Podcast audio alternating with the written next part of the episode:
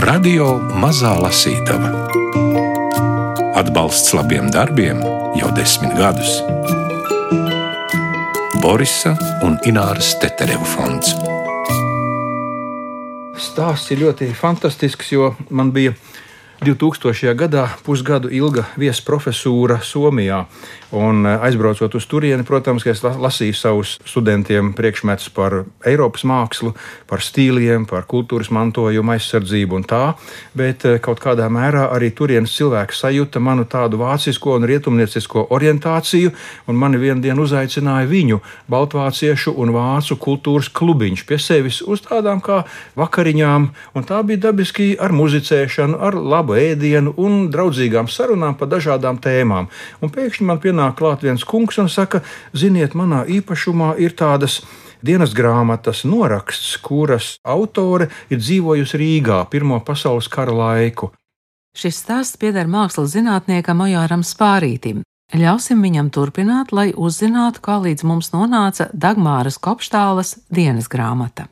Šī dienas grāmata atspoguļo ļoti skarbo Latvijas vēsturi, tādā Rīgas griezumā, kur Pirmais pasaules karš parādās ļoti nežēlīgi, un tas cilvēks saka, man pat bija bail pārrakstīt, bet es sapratu, ka tas ir mans pienākums dot mazbērniem šo tekstu, jo tas ir kaut kas ļoti nozīmīgs un parāda, kas notiek austrumu frontē, kur saliekās ar pierēm kopā Vācu armija un Krievu armija, un Rīga ir viena no frontes tādiem punktiem, uz kuras miesas notiek šī rēķinu kārtošana. Viņas vecāki ir tātad mājasaimniece Paņa Kozlovska, kura patiesībā sakot ir daļēji ar poliski-vāciskām saknēm un nāk kaut kur no Klaipēdas un virzienā uz Kenigsbergu, tur, kur ir tāda Lietuvas prūsiskā pierobeža. Jā. Un pats uh, Kopštāls, nu, viņam ir būtībā uh, Baltijas izcelsme, bet varētu viņš būt saistīts ar kādām pāris paudzēm Rīgā, bet viņa ienākšana arī nāk caur Silēziju, daļēji Poliju un viņas, kā teikt, vāciski apdzīvotajiem reģioniem. Viņa būtībā ir jauna paudze Rīgā, tajā brīdī, kad Rīga attīstās kā industriālā pilsēta. Un, lūk, tas ir 19. gadsimta vidus un otrā puse. Un Viņš... tad, protams, viņu vecāki ir šeit, un tad, kā teikt, eh, tēvs. Kopštāls iegūst iespēju strādāt Eilricha naftas produktu pārstrādes rūpnīcā Milgrāvī. Naftas biznesa. Tas ir nafta, bet viņš ir tikai grāmatvedis. Bet galvenais. Bet naftas biznesā grāmatvedis ir ļoti būtiska pozīcija. Tieši tā. Un tāpēc viņam ir kučieris, viņam ir droška, viņam ir, kā teikt, divstāvu mājiņa proletāriešu rajonā. Dienesta droška. Ja dienas tad droši, ka ne ar savējo. Viņu mājas joprojām ir saglabājušās. Divu stāvu koku māja ezerielā ar to pašu adresi. Ezeriela 3. Tas ir Milgrāvs. Un, un, un tur ir sakņu dārziņš, tur ir teikt, šīs te koka divu stāvu mājas, kurās ir dzīvojis ļoti internacionāls sastāvs. Poļi, vācieši, igauņi, latvieši tā skaitā. Un šitāds bērns, protams, ka pagalmā spēlējās gan krievu valodā, gan latviešu valodā, gan vācu valodā. Un tas viņai ir brīvi, bet vecāki saprot, ka bērns nebūs nekāda zosu gane. Tāpēc kāpēc katru dienu veda 6 km uz Rīgas centru, uz Vācu meiteņu gimnāziju. Un, protams, ka šo Vācu meiteņu gimnāziju 920. gadā pārdēvē par Vācu vidusskolu, kurā mācās pēc tam jau jaukti e, meiteņu un zēnu klasēs, jā, bet, bet tur ir mācījusies visa mūsu, var teikt, baltvāciskā inteliģence, kuru mēs vēl esam sastapuši, kā teikt, Rīgā atbraucam tagad pēc atmodas laikā. Jā, viņiem ir babītes pļavās, ir ganības, kur ganās viņu gotiņa, un meitenei taču galā, kad viņi sāka rakstīt dienas grāmatu, ir 13,5 gadiņi. Un 13,5 gadiņos sākt piedzīvot un saprast karu, ko tas viņiem atnes. Viņa priecājās par to, ka Gotiņai ir piedzimušas divi teliņi. Vienu sauc tā, otru tā. Viens turpinās, kā teikt, vairot viņu ģimenes labklājību un dzīvot priekam, bet viens aizies gaļā. Nu, bet, protams, ka bērnam ir draudzenītes pagalmā, ar kurām viņi spēlējās. Turpat ir lelles, bet tad kādā naktī brāžas iekšā viņu mājā sarkanie un sāk vandīt istabu un prasīt ar pistoli pie pieres vecākiem, kur ir dārga lietas, kur ir nauda, kur ir vēl kaut kas.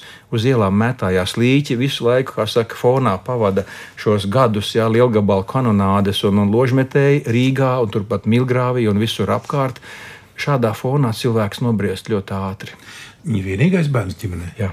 Rīgas, Latvijas un ģimenes vēstures fons kādas meitenes Dagmāras Kopštāls dienas grāmatai. Viņa raksta no 1917. gada, kad viņai ir tikai 13, līdz 1923. gadam. Ojārs Spārītis stāsta Gundaram Āboliņam un mums visiem. Mm, Grūti jau mums ir pateikt, kad mēs katrs sākam rakstīt dienas grāmatu, kas ir emocionālais pamudinājums. Bet, eh, nu, redz, kur ir pirmais teikums? Šis gads ir tik bagāts ar notikumiem, ka nolēmu rakstīt dienas grāmatu.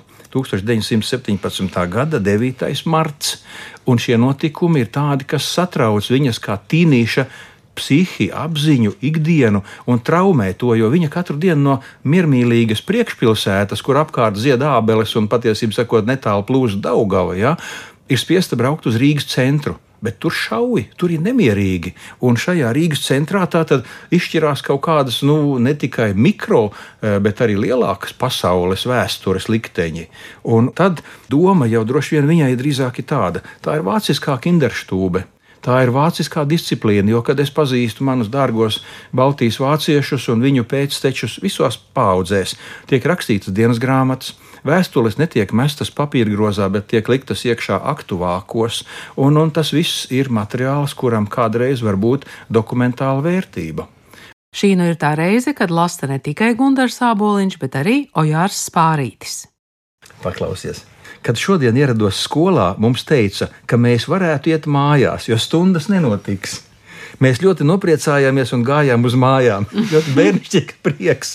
Tā kā es dzīvoju tālu no skolas un diena bija brīva, gribēju vēl arī aiziet uz baznīcu, kur šodien notika dievkalpojums. Mana skolas biedrene ielūdza pie sevis, aizgājām pie viņas. Skolas biedrene palūdza mammai, lai atļauj iet man līdzi. Viņa to arī atļāva, un mēs devāmies prom.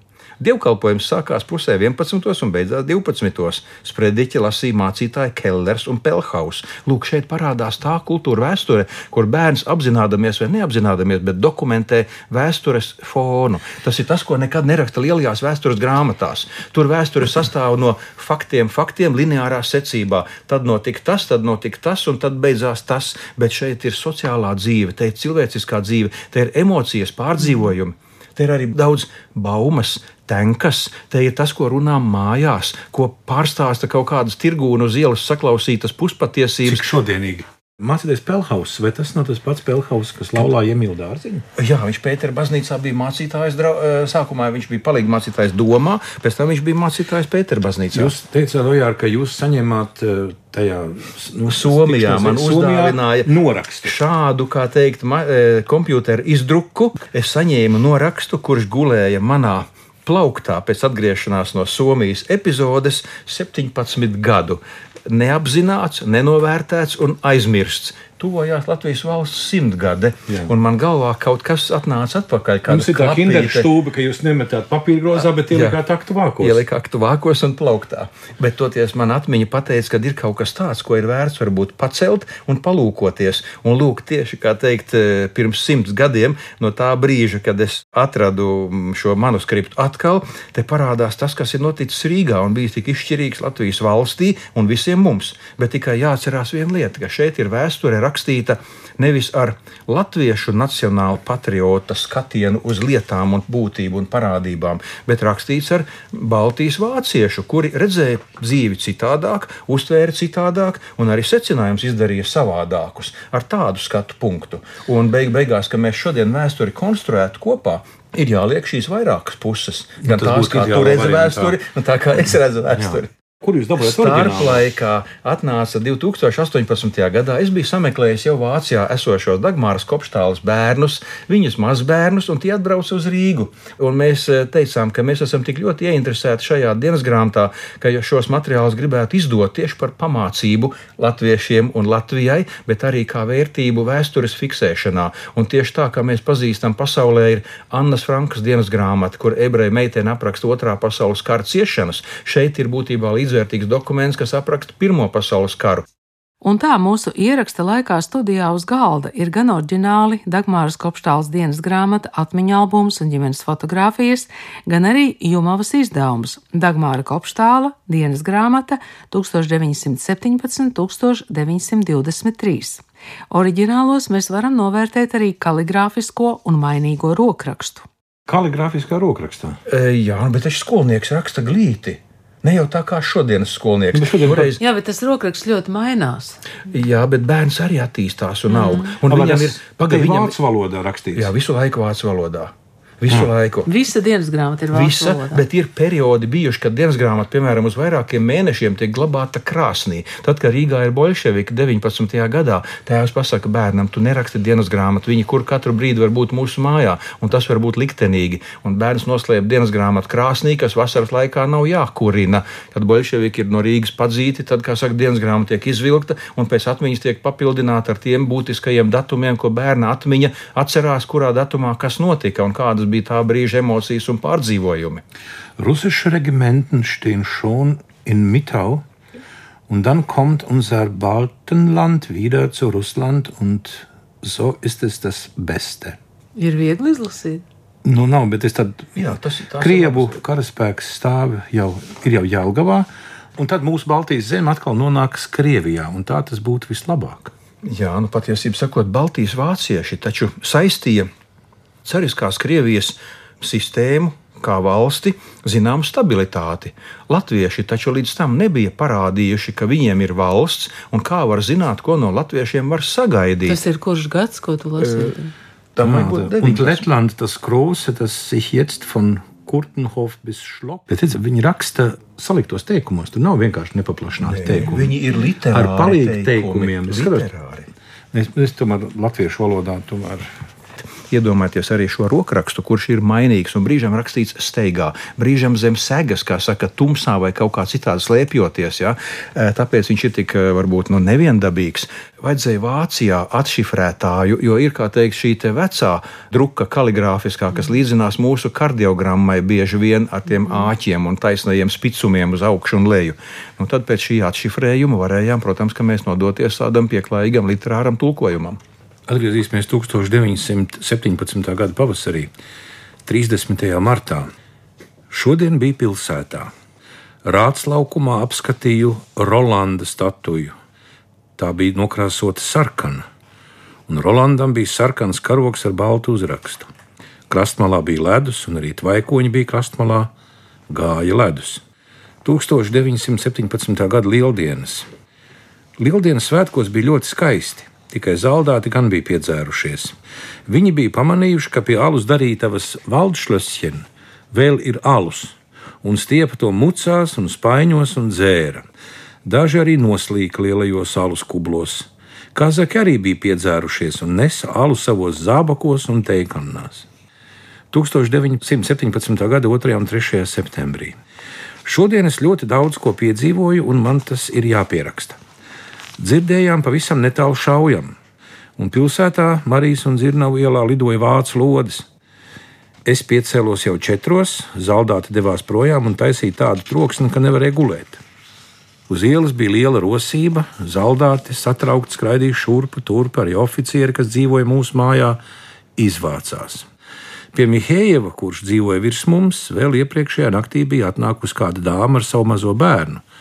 Viņa bija ļoti nogurusi un lūdza glāzi piena bērnam. Arī pārējie oficieri, Bandovs ar sievu un Pāvils Vasiljevičs atnāca uz mūsu dzīvokli.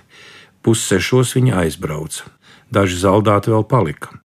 Barona Franka puisis teica: Es palikšu pēdējais un jūs apsargāšu. No pilsētas arī ieradās zaldāti, lai cauri vecmilgrāvim dotos tālāk. Tā pagāja priekšpusdiena. Pēcpusdienā mūsu zirgi strādāja kroņa labā, lai pēc iespējas vairāk varētu aizvest. Kur vien skaties, visur tikai zaldāti, kas kravā mantas. Mēs visi bijām ļoti satraukti. Vakarā atnāca Biksa kungs un vaicāja, vai tēvs ir mājās. Viņš teica, mums jābrauc projām, rīt pulksten sešos atties vilciens. Tēta mājās nebija. Viņš vēl piebilda, ka tētis atnāks, lai tūlīt dodas pie viņa, taču tētis neatnāca. Biks sūtīja ziņu vēlreiz, un tad pie viņa gāja mamma. Viņa jau kravājās un lūdza mūs paņemt viņu iedzīvi. Drīz mamma atgriezās un atnesa traukus. Tad arī mana krustmāte gāja viņai līdzi, un katru reizi viņas kaut ko atnesa. Tad es lūdzu mammai, lai ļauj arī man iet līdzi. Sākumā viņa negribēja ļaut, bet tad tomēr atļāva, un es vēl nemaz nebiju nogurusi. Tā nu es gāju līdzi. Tur valdīja satraukums. Augšā biksu dzīvoklī tika kravātas mantas, lejā uzgaidāmajā telpā gulēja zaldāti. Viņi izskatījās ļoti noguruši. Viņi gulēja uz grīdas, jo nekur citur nebija vietas. Daži bija aizmiguši, bet citi vēl nomodā. Apmešanās vieta bija jādod zaldātu ziņā, kuriem šeit jāpaliek līdz pēdējiem.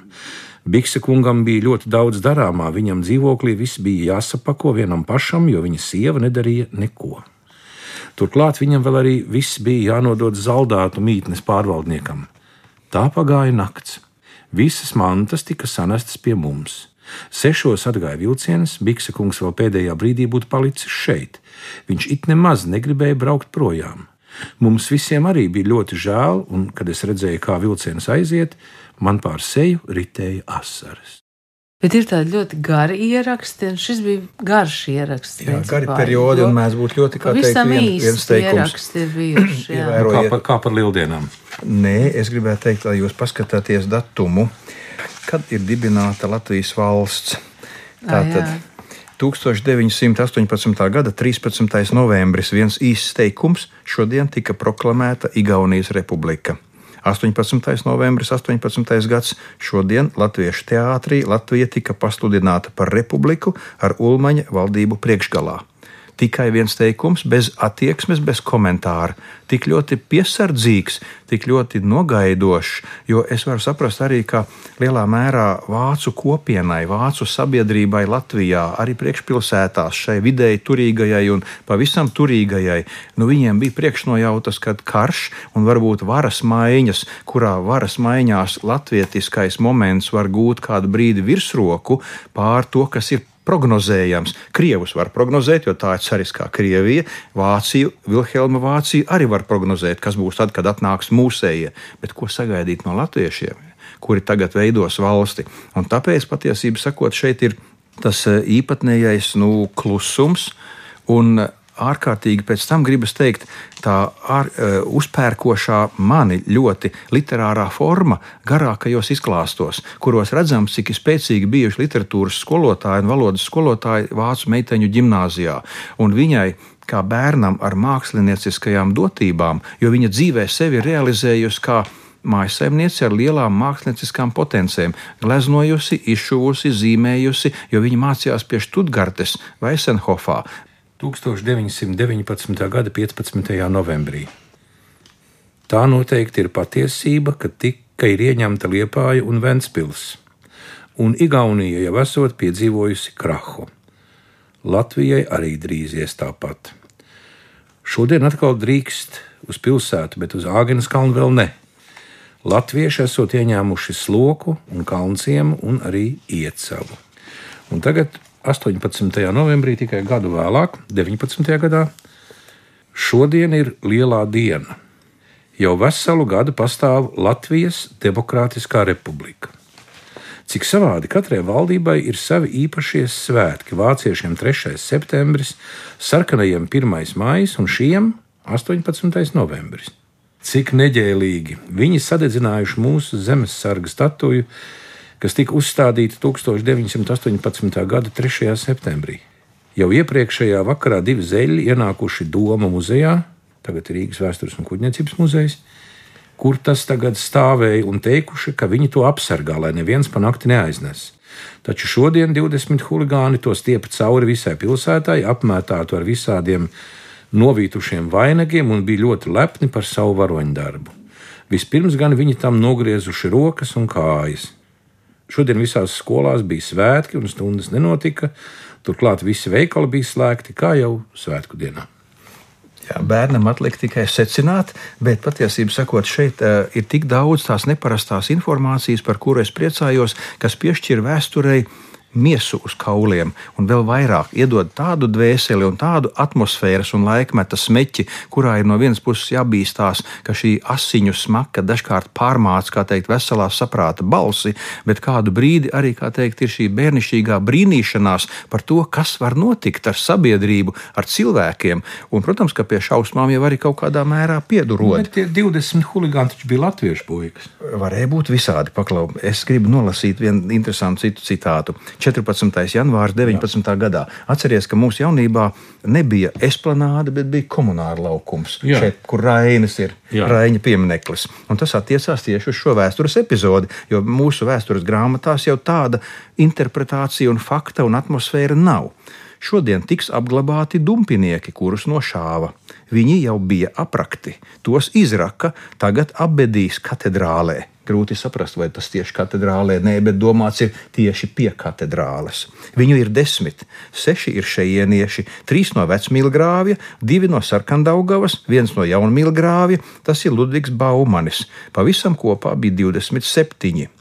Daži zārki bija nokrāsoti sarkani, citi pārvilkti ar sarkanu drānu, daudzi karogi bija rotāti ar krepu, tika turētas runas, arī stučka runāja, bet ne gari. Teica tikai to, ka tagad esplanādi vairs nesauks par esplanādi, bet gan par komunāru laukumu. 1919. gada 14. janvārī. Jā. Faktiski tas ir tāds brīnums, ka tā dienas grāmata ir nonākusi līdz mūsdienām. Jo nu, aizvest sev līdzi, glabāt, pie tam izskatās, ka glabāt ļoti cītīgi. Nu, tas ir gandrīz galā. praktiski vienīgais, izņemot šīs vecāku fotogrāfijas. Tēvs jau bija palika Latvijā līdz pat otrā pasaules kara sākumam. Tēvs 39. gadā evakuējās, kad Baltijas vācieši tika saukti uz Vāciju, mm. un viņš palika tagad eh, nu, Ziemeļpolijas teritorijā teritorijā, Poznaņas teritorijā, un tur viņš arī mira 41. gadā. Tātad nesaticies vairāk ar Dagmāru, lai gan 36. un 37. gadā, kā brīvās Latvijas pilsonis, viņš bija varējis aizbraukt uz Vāciju un ar Dagmāru un viņas četriem bērniem, protams, redzēties un apskauties. Tā ir bijusi tāda, kā teikt, patīkama tikšanās, jo viņš nodzīvoja kā atraitnes, atraitnes pēc 24. gada, nu un karš viņu arī, kā teikt, samala. Dagmāras Kopštāles dienas grāmata caur Ojāras pārīšu rokām nonākusi līdz mums Jumavas izdevumā. To lasīja Gundars Sāboliņš. Radio Mazā Lasītava Atbalsts labiem darbiem jau desmit gadus. Borisa un Ināras Tetereva fonds.